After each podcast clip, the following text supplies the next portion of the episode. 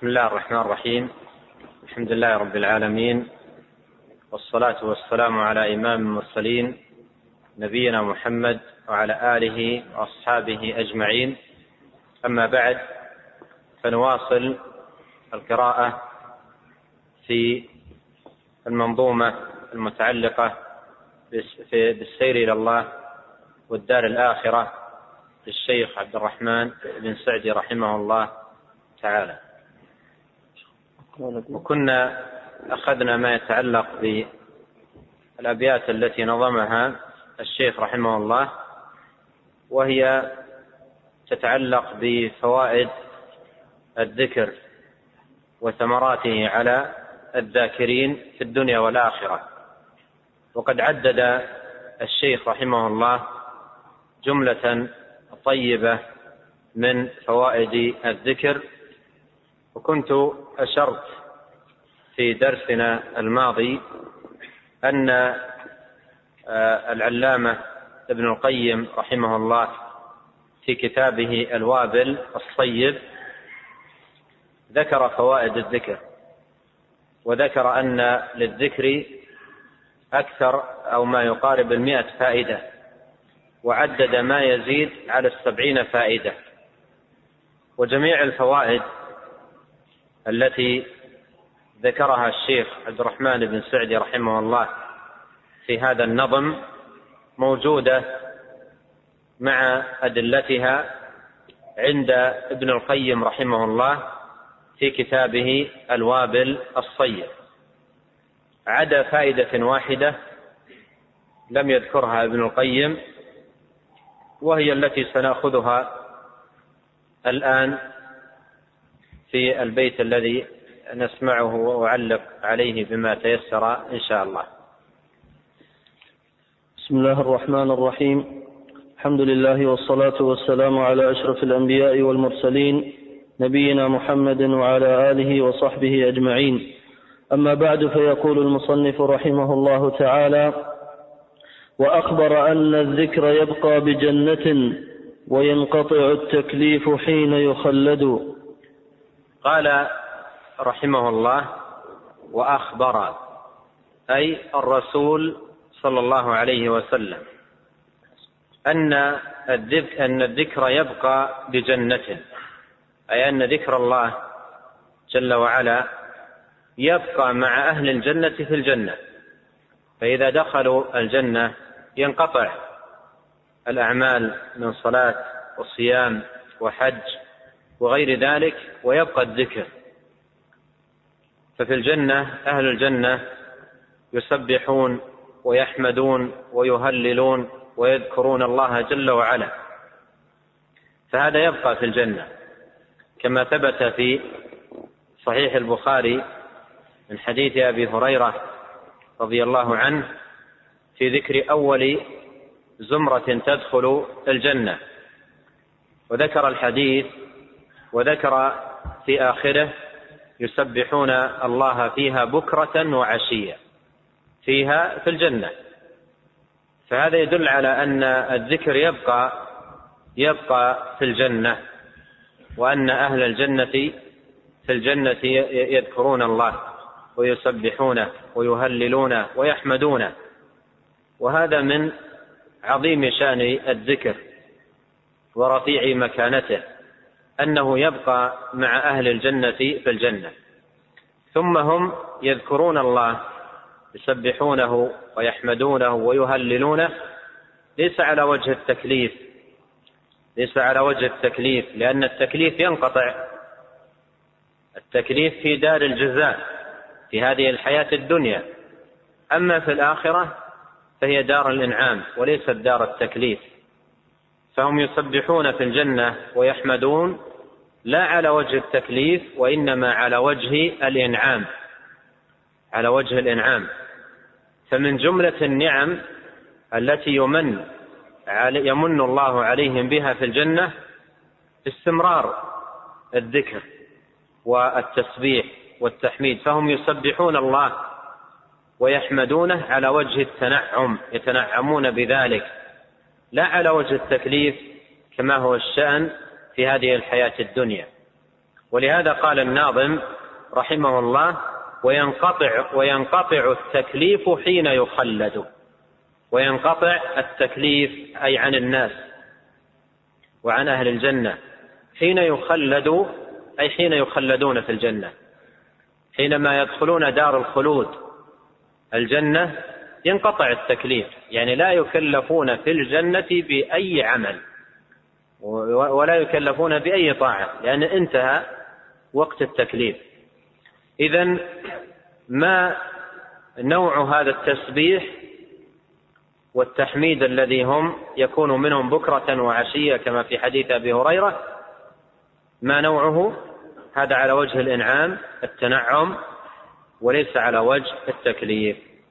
فهذه فضيلة عظيمة من فضائل الذكر وثمرة مباركة من ثمراته أنه يبقى مع أهل يبقى مع أهله يبقى مع أهله أنسا ولذة وسعادة وإنعاما وتكرما يبقى معهم في جنة الخلد حينما يدخلونها خالدين مخلدين فيها.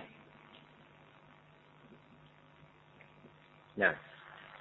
قال ولو لم يكن في ذكره غير أنه طريق إلى حب الإله ومرشد وينهى الفتى عن غيبة ونميمة وعن كل قول للديانة مفسد لكان لنا حظ عظيم ورغبة بكثرة ذكر الله نعم الموحد. وأيضا في هذه الأبيات الثلاثة ذكر فوائد عظيمة لذكر الله تبارك وتعالى. قال رحمه الله ولو لم يكن في ذكره غير أنه طريق إلى حب الإله ومرشده. فهذه فضيلة من فضائل الذكر أنه طريق إلى حب الإله. وقد مر معنا عند المصنف رحمه الله في ذكر آه، الأمور الجالبة للمحبة. نقلنا فيما سبق أن من الأمور من الأمور الجالبة للمحبة ملازمة الذكر. ملازمة الذكر. وأن من أحب شيئا أكثر من ذكره. فإذا ذكر الله طريق إلى حب الإله.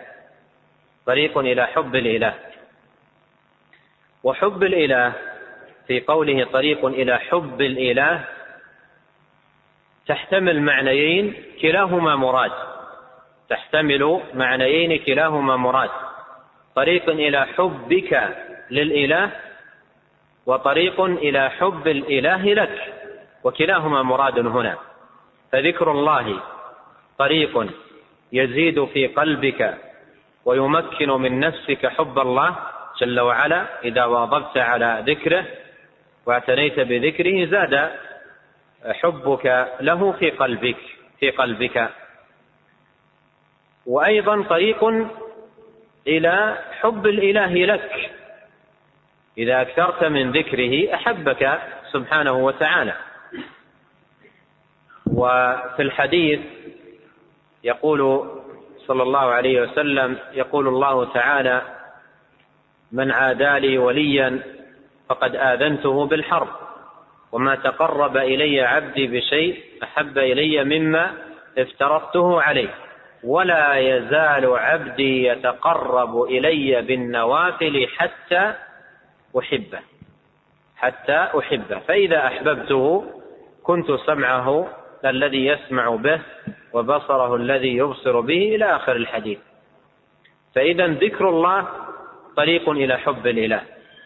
طريق إلى حب الإله يعني طريق إلى غرس وتمكين حب الإله في القلب وطريق إلى حب حب الإله أي طريق إلى نيل محبة الله لك.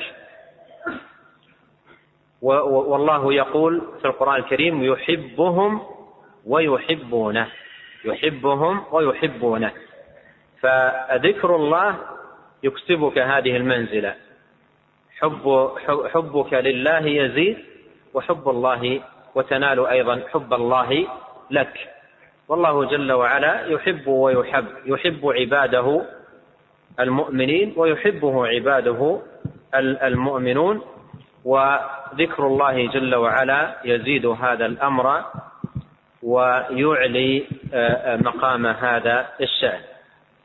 فيقول الشيخ ولو لم يكن في ذكره غير أنه طريق إلى حب الإله ومرشد أي دليل وهادي يدلك على الطريقة التي تنال بها حب الإله لكانت هذه الخصلة كافية. كما سيأتينا جواب الشرط بعد البيت الذي يليه. لكانت كافية. يعني لو لم يكن في الذكر إلا هذه الفائدة أنه طريق لنيل حب الإله لكانت كافية. لكانت كافية في ماذا؟ في توافر الهمم وقوه العزائم في المواظبة على ذكر الله تبارك وتعالى. فهذه فضيلة من فضائل الذكر أنه طريق إلى حب الإله ومرشده. وفضيلة أخرى ذكرها مضمومة إلى هذه الفضيلة بقوله وينهى الفتى عن غيبة ونميمة وعن كل قول للديانة مفسد هذه أيضا فضيلة من فضائل الذكر على الذاكر أن فيه صيانة للسان فيه صيانة للسان فاللسان إذا اشتغل بذكر الله وحمده وتسبيحه وتهليله وتكبيره سبحانه وتعالى وتلاوة كلامه واشتغل بالعلوم النافعة صان بذلك لسانه عن كل قول رديء وكل لفظ بذيء. وعن الغيبة والنميمة والفحش والسخرية والاستهزاء وغير ذلك. واللسان كما يقول يقول أهل العلم خلق للكلام. اللسان خلق ليتكلم. فإن لم يتكلم به صاحبه بخير انطلق الكلام اللسان بالكلام بشر أو بما يضر. قد جاء في الحديث أن النبي صلى الله عليه وسلم قال إذا أصبح ابن آدم فإن الأعضاء كلها تكفر اللسان تقول اتق الله فينا فإنما نحن بك فإن استقمت استقمنا وإن اعوججت اعوججنا وأيضا في الحديث الآخر كل كلام ابن آدم عليه لا له إلا ذكر الله وما والاه أو كما قال عليه الصلاة والسلام. فإذا شغل الإنسان لسانه بذكر الله حصل للسان بإذن الله صيانة وسلامة ووقاية من الدخول في ماذا؟ في في في, في الكلام الرديء والقول البذيء والفحش ونحو ذلك. وهذا معنى قول الناظم وينهى الفتى عن غيبة ونميمة. ينهى الفتى لأن اللسان النقي التقي المشغول بذكر الله تبارك وتعالى يعف بإذن الله عن الخوض في الغيبة والنميمة والسخرية ونحو ذلك.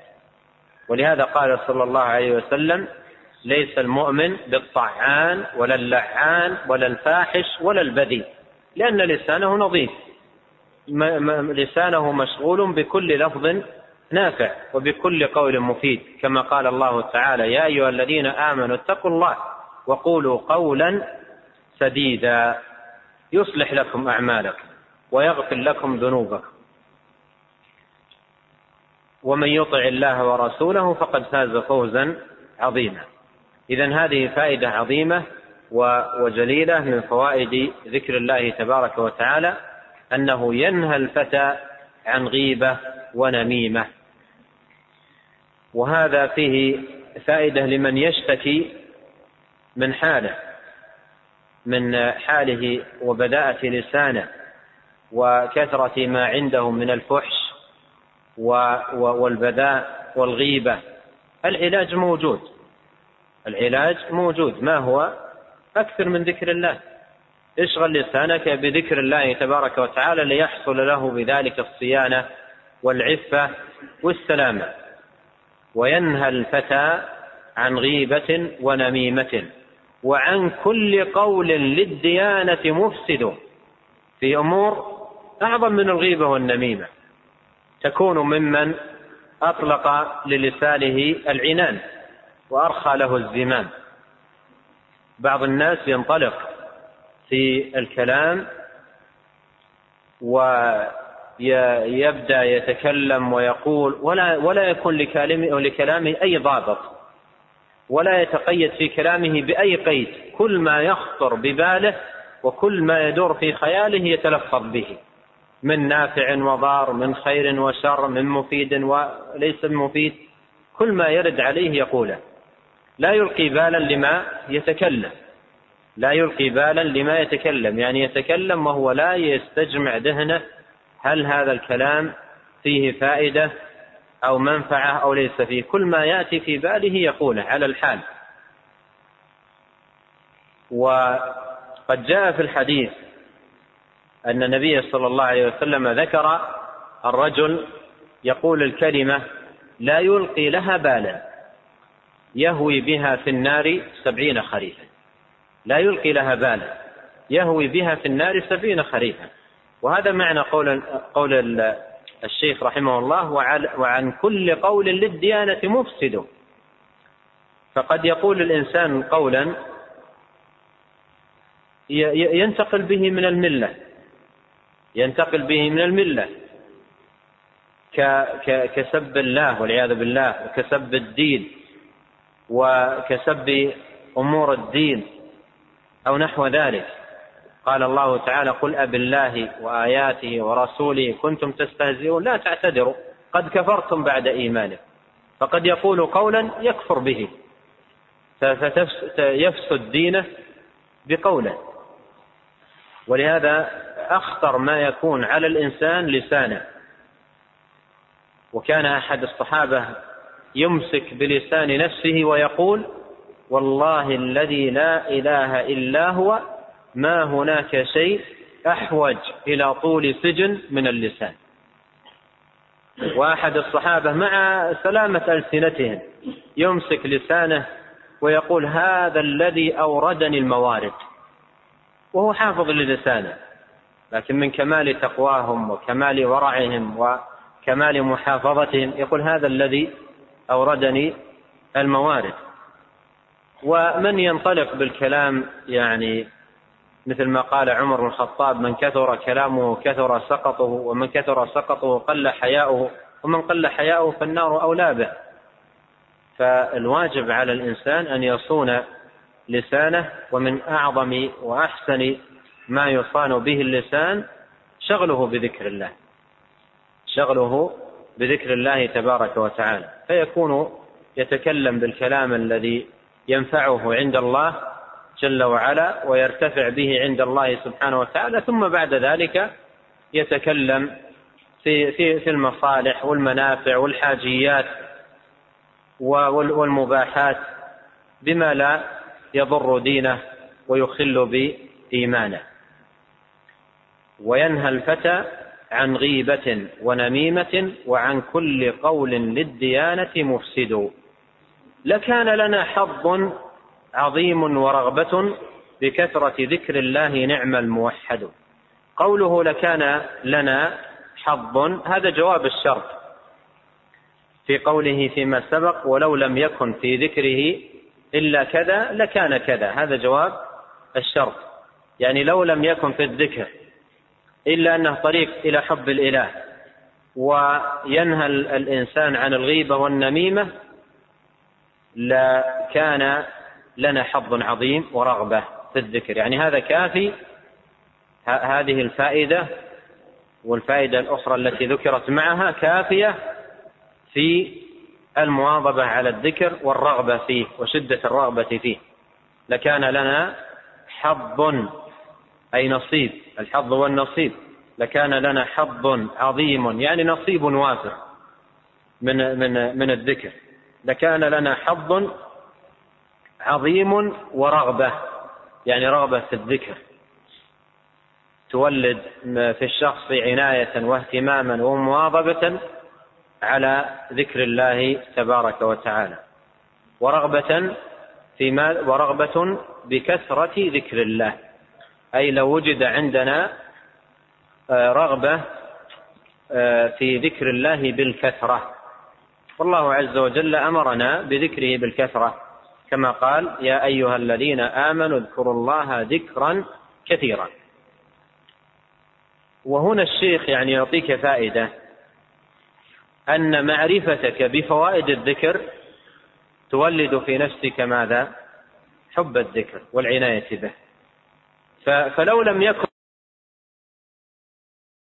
لكان لنا حظ ورغبة في الذكر. فكيف وإذا اطلع فكيف إذا اطلعنا على الفوائد الكثار والعوائد الغزار التي لأهل الذكر في الدنيا والآخرة؟ بكثرة ذكر الله نعم الموحد أي الله أي الذي له التوحيد. في ألوهيته وربوبيته وأسمائه وصفاته. نعم الموحد نعم من يخص بالعبادة ويفرد بالطاعة ويلجأ إليه وحده دون سواه. ثم ختم رحمه الله هذه المنظومة ببيت يبين فيه حالنا وضعفنا وشدة تقصيرنا مع علمنا ومعرفتنا بهذه الفوائد لذكر الله تبارك وتعالى. نعم. ولكننا من جهلنا قل ذكرنا كما قل منا للإله التعبد. قال ولكننا من جهلنا قل ذكرنا. من جهلنا أي بمقام الذكر وعظيم فضله وكثير ثوابه.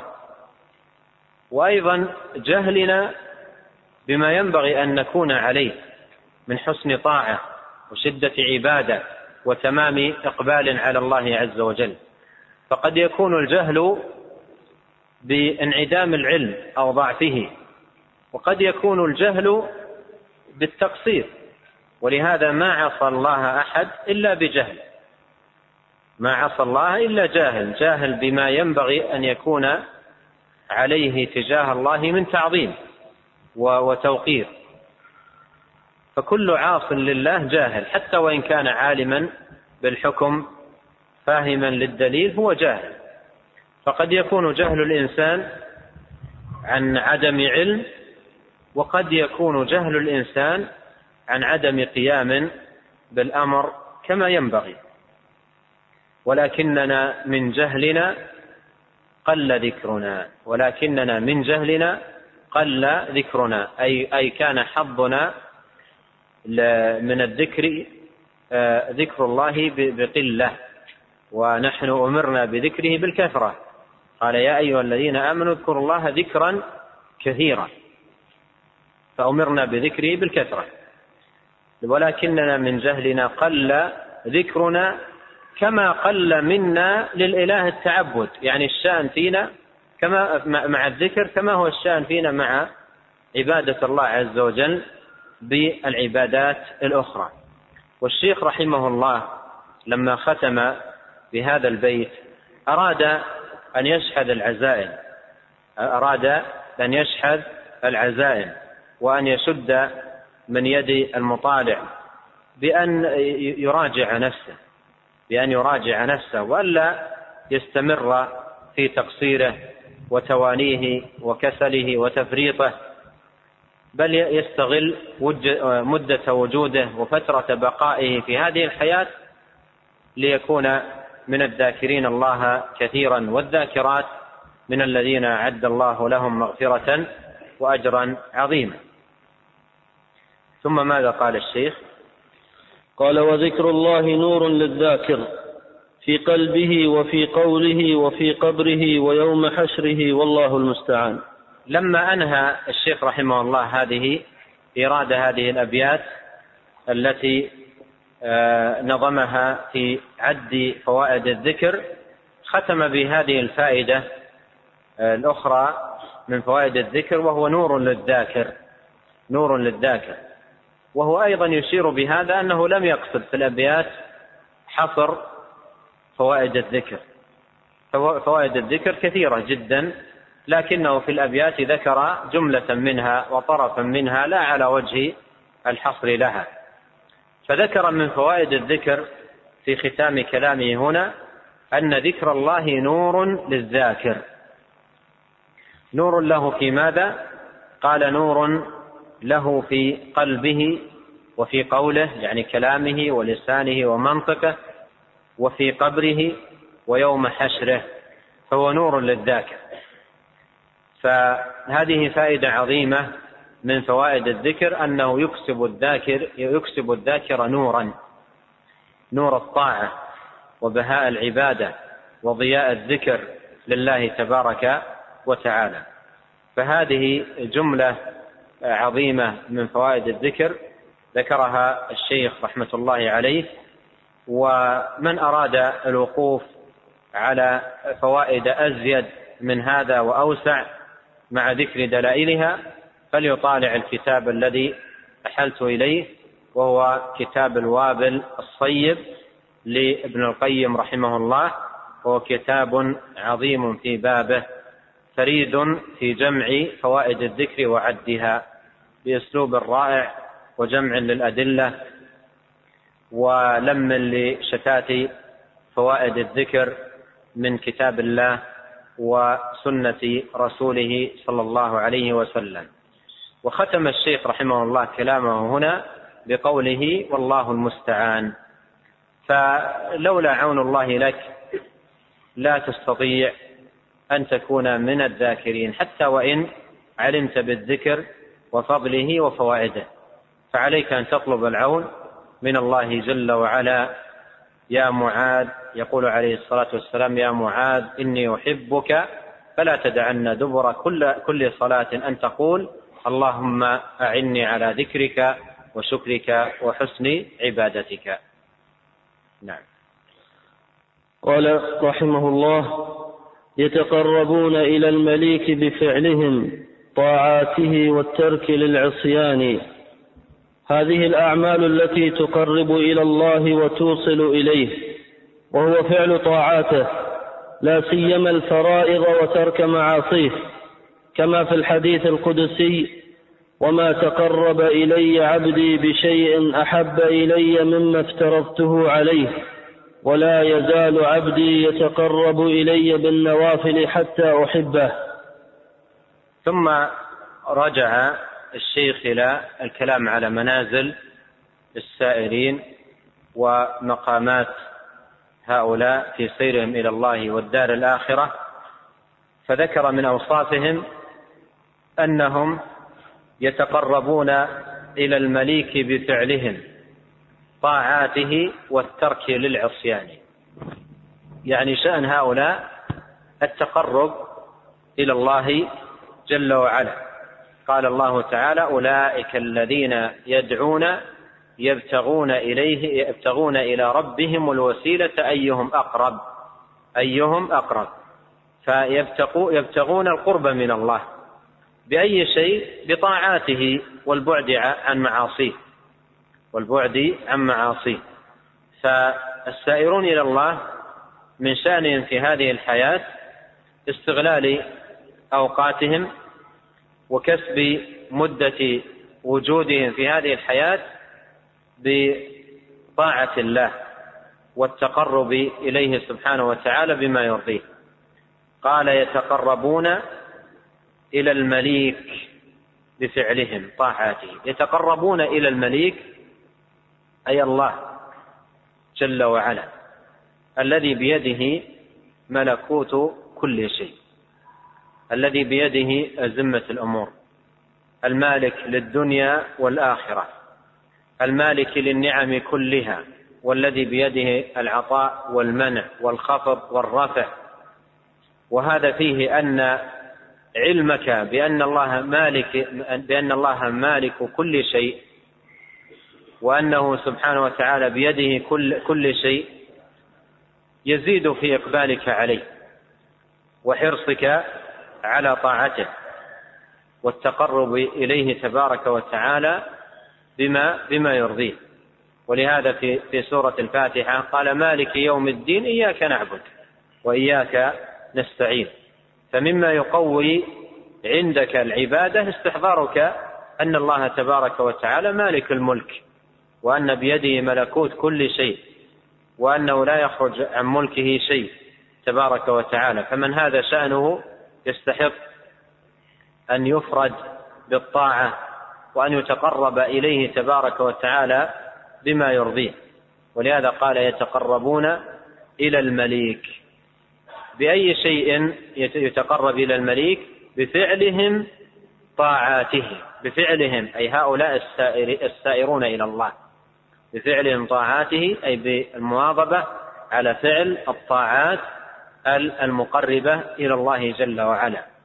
قال بفعلهم طاعاته. طاعاته أي الطاعات التي أمر بها وشرع وشرعها لعباده. التي أمر بها وشرعها لعباده. فلا يتقرب إلى الله تبارك وتعالى بأمور ينشئها العبد من قبل نفسه وإنما يتقرب إلى الله بطاعاته أي بما جعله الله طاعة مقربة إليه. يتقربون إلى الله بطاعاته والترك للعصيان أي معصية الله. فهم يتقربون إلى الله بشيئين بفعل ما أمر وترك ما نهى عنه وزجر. بفعل ما أمر وترك ما نهى عنه وزجر. وكما أن فعل الطاعة تعد قربة إلى الله جل وعلا ينال بها ثوابه وترجى بها مغفرته سبحانه وتعالى. فإن أيضا ترك معصيته تعد قربة إلى الله تبارك وتعالى. فالترك فالترك طاعة كما أن فترك المعاصي طاعة كما أن فعل الأوامر طاعة. فالله عز وجل يطاع بفعل الأوامر وترك المعاصي. وكل منهما قربة إلى الله. وكل منهما قربة إلى الله جل وعلا. قال رحمه الله في توضيح هذا البيت هذه الأعمال أي فعل الأوامر وترك المعاصي التي تقرب إلى الله. فالله لا يتقرب إليه إلا بما شرع. وقد شرع لنا فعل الأوامر وترك النواهي. فهذه هذه الأعمال التي تقرب إلى الله وتوصل إليه وهو فعل طاعاته لا سيما الفرائض وترك معاصيه لا سيما الفرائض وترك معاصيه. وهنا يشير الشيخ رحمه الله إلى أن إلى أن طاعات الله على أقسام منها ما هي فرائض وأمور لازمة وواجبات عينية على المكلفين.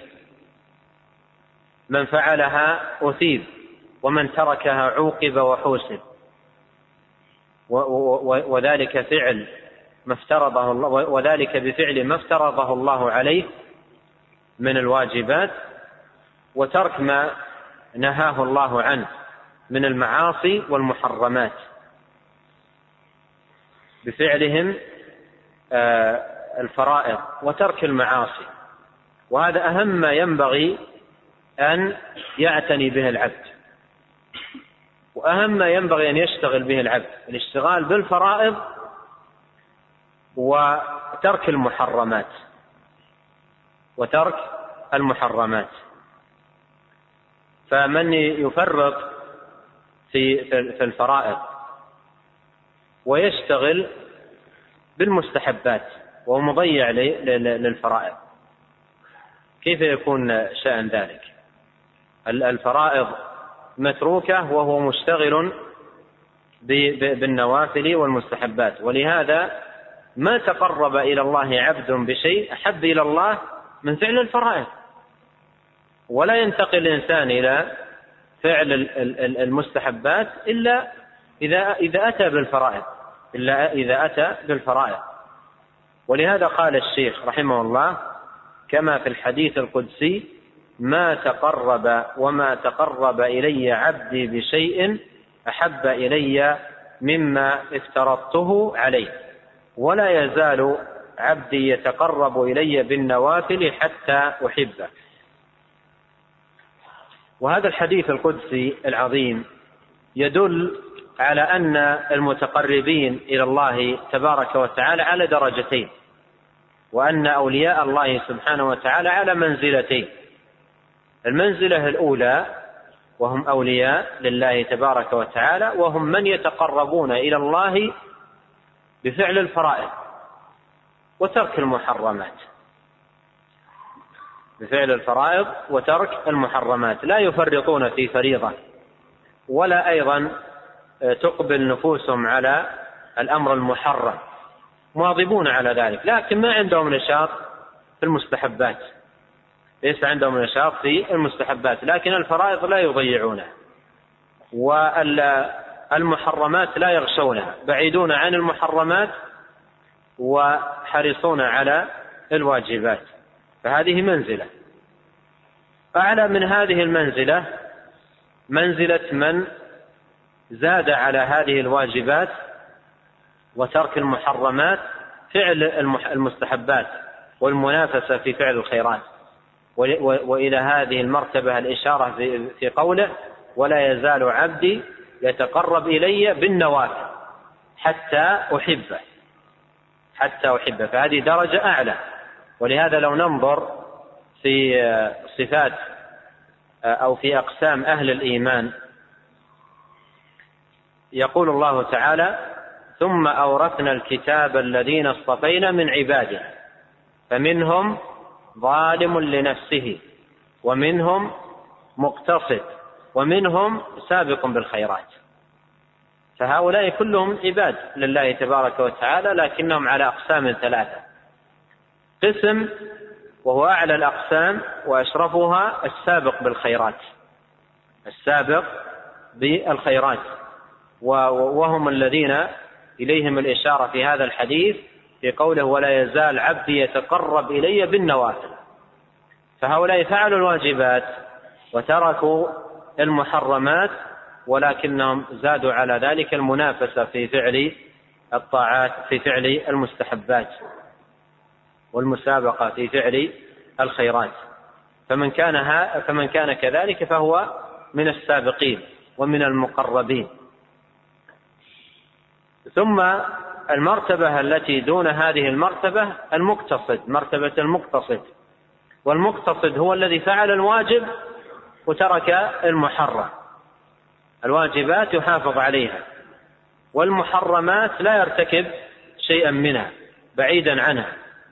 وإذا وقع في زلل بادر إلى التوبة النصوح إلى الله عز وجل بالندم والإقلاع والعزم. فهذا مقتصد. والقسم الثالث الظالم لنفسه. الظالم لنفسه. بفعل بفعل بعض المحرمات أو بترك بعض الواجبات مما لا يكون تركه أو أو المواظبة على تركه كفرا على ضوء ما جاء في ذلك في احاديث في كتاب الله وسنة نبيه صلوات الله وسلامه عليه. فهذا ظالم لنفسه بالمعاصي فيما دون الكفر. أما إن ظلم نفسه بالكفر فلا يكون من هؤلاء لأن هؤلاء الأقسام الثلاثة كلهم يدخلون الجنة. ولهذا لو لو تلاحظ السياق ثم أورثنا الكتاب الذين اصطفينا من عبادنا فمنهم ظالم لنفسه ومنهم مقتصد ومنهم سابق بالخيرات بإذن الله ذلك هو الفضل الكبير. جنات عدن يدخلونها. الواو تشمل من؟ الثلاثة. جنات عدن يدخلونها. من هم؟ السابق بالخيرات والمقتصد والظالم لنفسه. لكن كما قال أهل العلم السابق بالخيرات والمقتصد كلاهما يدخل الجنة بدون حساب. السابق بالخيرات والمقتصد كلاهما يدخل الجنة بدون حساب. أما الظالم لنفسه فهو عرضة للحساب وقد يدخل النار فإذا دخلها فإنه يعذب فيها على قدر جرمه وعلى قدر ذنوبه ثم يخرج منها ويدخل بعد ذلك إلى الجنة. وقد جاء أيضا في الحديث في الصحيحين ذكر صفة خروج هؤلاء الظالمين لأنفسهم الذين دخلوا النار. كما في الصحيحين من حديث أبي سعيد الخدري قال يخرجون تميتهم النار إماتة حتى يصبحون فحما. ثم يخرجون من النار ضبائر ضبائر يعني جماعات جماعات. ثم يلقون على نهر الجنة فينبتون على حافتي نهر الجنة كما تنبت الحبة في حميل السيل. ثم ينعمون في في في الجنة ويبقون فيها خالدين مخلدين فيها. لكن بعد بعد ماذا؟ بعد المرور بعد مرور بمرحلة تطهير. لأن الجنة دار الطيب المحض الطيب الخالص الذي ما شابه خبث.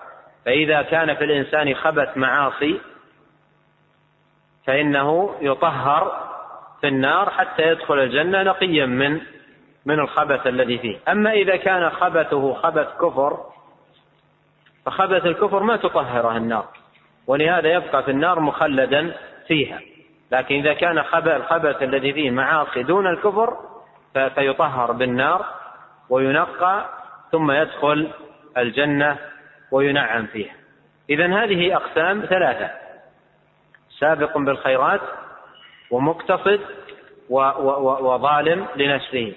السابق بالخيرات من فعل الواجبات وترك المحرمات ونافس في فعل المستحبات والمقتصد هو الذي فعل الواجبات وترك المحرمات والظالم لنفسه والذي ظلم نفسه فيما دون الكفر. أما من ظلم نفسه بكفر مات عليه فحكمه آخر.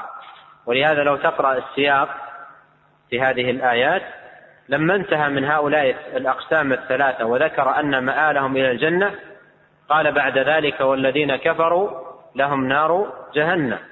لا يقضى عليهم فيموتوا ولا يخفف عنهم من عذابها. كذلك نجزي كل كفور وهم يصطرخون فيها ربنا أخرجنا نعمل صالحا غير الذي كنا نعمل أولم نعمركم ما يتذكر فيه من تذكر وجاءكم النذير فذوقوا فما ها للظالمين من نصير. هل قوله هنا الظالمين؟ مثل قوله ظالم لنفسه أم أن هذا ظلم آخر؟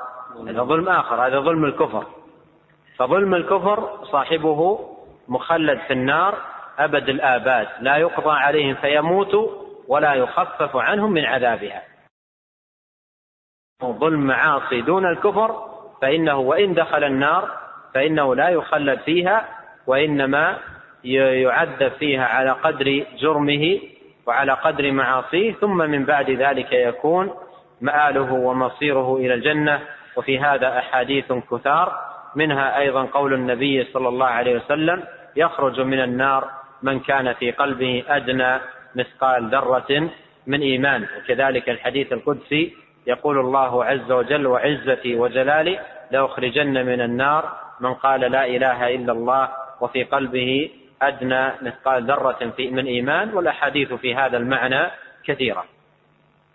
آه الشيخ رحمة الله عليه لما أورد هذا الحديث القدسي العظيم أراد أن ينبه حال هؤلاء السائرين وأن من كان منهم من السابقين بالخيرات فإن له عناية طيبة واهتماما واسعا بالمحافظة على المستحبات والمنافسة في فعل الخيرات مع مواظبته على فعل الفرائض والواجبات وبعده عن المحرمات وأن من كان منهم مقتصدا فإنه بعيد عن المحرمات محافظ على على الفرائض والواجبات. نعم. قال رحمه الله فلهذا قلت فعل الفرائض والنوافل دأبهم مع رؤية التقصير والنقصان هذا هو الكمال وهو أن يجتهد في أداء الفرائض والإكثار من النوافل ويرى نفسه مقصرا مفرطا فاجتهاده في الأعمال ينفي عنه الكسل ورؤية تقصيره ينفي عنه العجب الذي يبطل الأعمال ويفسدها. ثم قال رحمه الله فعل الفرائض والنوافل دأبهم مع رؤية التقصير والنقصان. وهذا البيت آه، آه، يبين حالهم التي ذكرها في البيت الذي قبله. فالبيت الذي قبله ذكر مواظبتهم على الطاعات وبعدهم عن المعاصي. ثم ذكر في هذا البيت أنهم دائبين على هذه الحال والدأب على الشيء هو المداومة والاستمرار والملازمة والمواظبة فهذا دأبهم يعني هم على هذه الحال مستمرين ومواظبين على هذا الأمر. عملا بقول الله تعالى واعبد ربك حتى يأتيك اليقين. وقوله تعالى إن الذين قالوا ربنا الله ثم استقاموا. وقوله في الحديث قل آمنت بالله ثم استقم. فهذا دأبهم. دأبهم ماضين مستمرين على المواظبة على هذه الأعمال والمحافظة على هذه الطاعات. لا لا تصرفه لا تصرفهم عنها الصوارف ولا تشغلهم عنها الشواغل. فهم مواظبون على هذه الأعمال مداومون عليها. وأحب العمل عند الله أدومه وإن قل. أما التذبذب والتأرجح ومرة كذا ومرة كذا فليس هذا شأنه. وإنما شأنهم الدأب والمواظبة والاستمرار والمحافظة على على طاعة الله تبارك وتعالى. قال فعل الفرائض والنوافل دأبهم.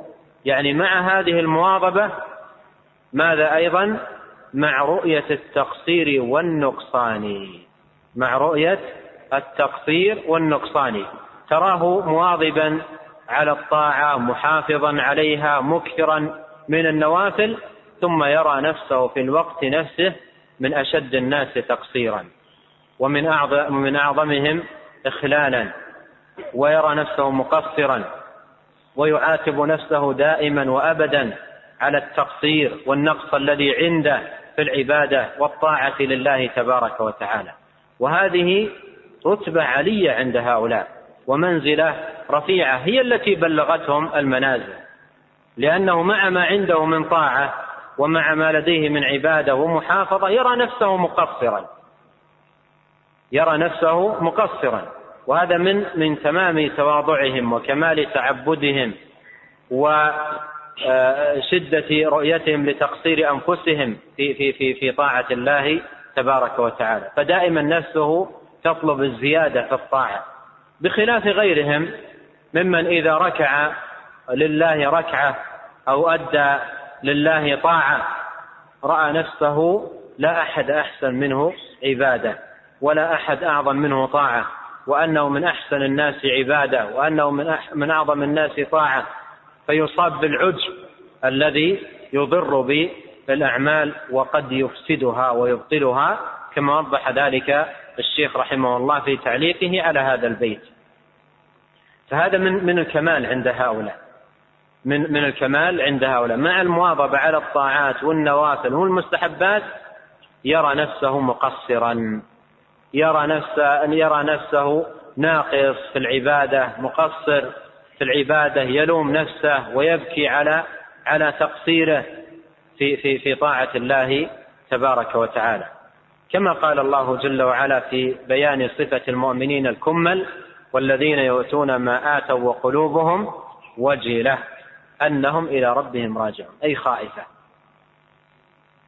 قد جاء في في في في بعض الآثار أن عمر بن الخطاب وهو من العشرة المبشرين بالجنة سأل حذيفة بن اليمان قال له أسألك بالله هل رأيت اسمي في المنافقين؟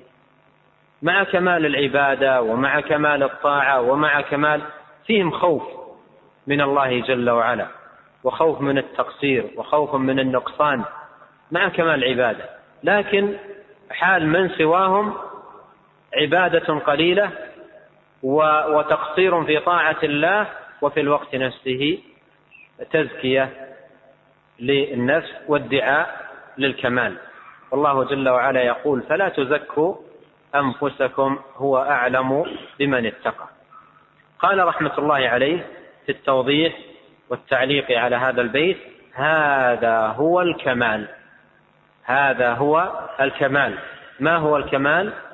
أن يبذل الإنسان قصارى جهده وبالغ وسعه في أداء الطاعة على التمام والكمال وفي الوقت نفسه يرى نفسه ماذا؟ مقصرا. يرى نفسه عبادته ناقصة. يرى نفسه مفرطا. هذا هو الكمال. هذا الكمال في العبادة. يأتي بها على أتم ما يكون وأحسن ما يكون ويرى نفسه في الوقت نفسه مقصرا مفرطا. هذا هو الكمال. ما هو؟ يوضحه. قال وهو أن يجتهد في أداء الفرائض والإكثار من النوافل ويرى نفسه مفرطا ويرى نفسه مقصرا مفرطا. ماذا يستفيد من هذا الأمر؟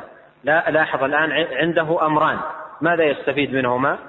يقول الشيخ فاجتهاده في الأعمال اجتهاده في الأعمال ينفي عنه الكسل.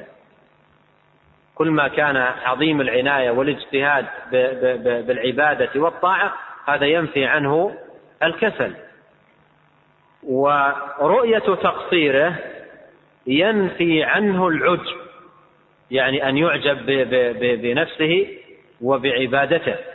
فإذا رأى نفسه مقصر وأخذ يلوم نفسه دائما وابدا ينتفي عنه العجب. فإذا إن وجد في الإنسان العجب أضر به غاية الإضرار. يضر به من جهة نقص العبادة والتفريط في, في, في, في الطاعة. حتى إن بعض من ابتلوا بهذا العجب من من من, من أهل الضلال تركوا الطاعة تماما. تركوا الطاعة تماما وتخلوا عن العبادة كلية. وعند الصوفية من يسمونهم من يسمونه الواصل. ويقولون إن من يترقى في العبادة يصل إلى رتبة تسقط عنه فيها التكاليف. تسقط عنه فيها التكاليف. فبعضهم يرى نفسه أنه وصل. وصل فيترك الصلاة ويترك الزكاة ويترك الصيام ويترك كل الطاعات ويفعل كل المحرمات يزني ويشرب الخمر ولا ولا يلوم أتباعه على ذلك لانهم لأنه بزعمهم ماذا؟ واصل. وهو واصل حقا وصدقا ولكن كما قال أحد أهل العلم إلى سقر. واصل إلى سقر أي النار. فوالله جل وعلا قال واعبد ربك حتى يأتيك اليقين. يعني حتى يأتيك الموت. وهم يحرفون هذه الآية.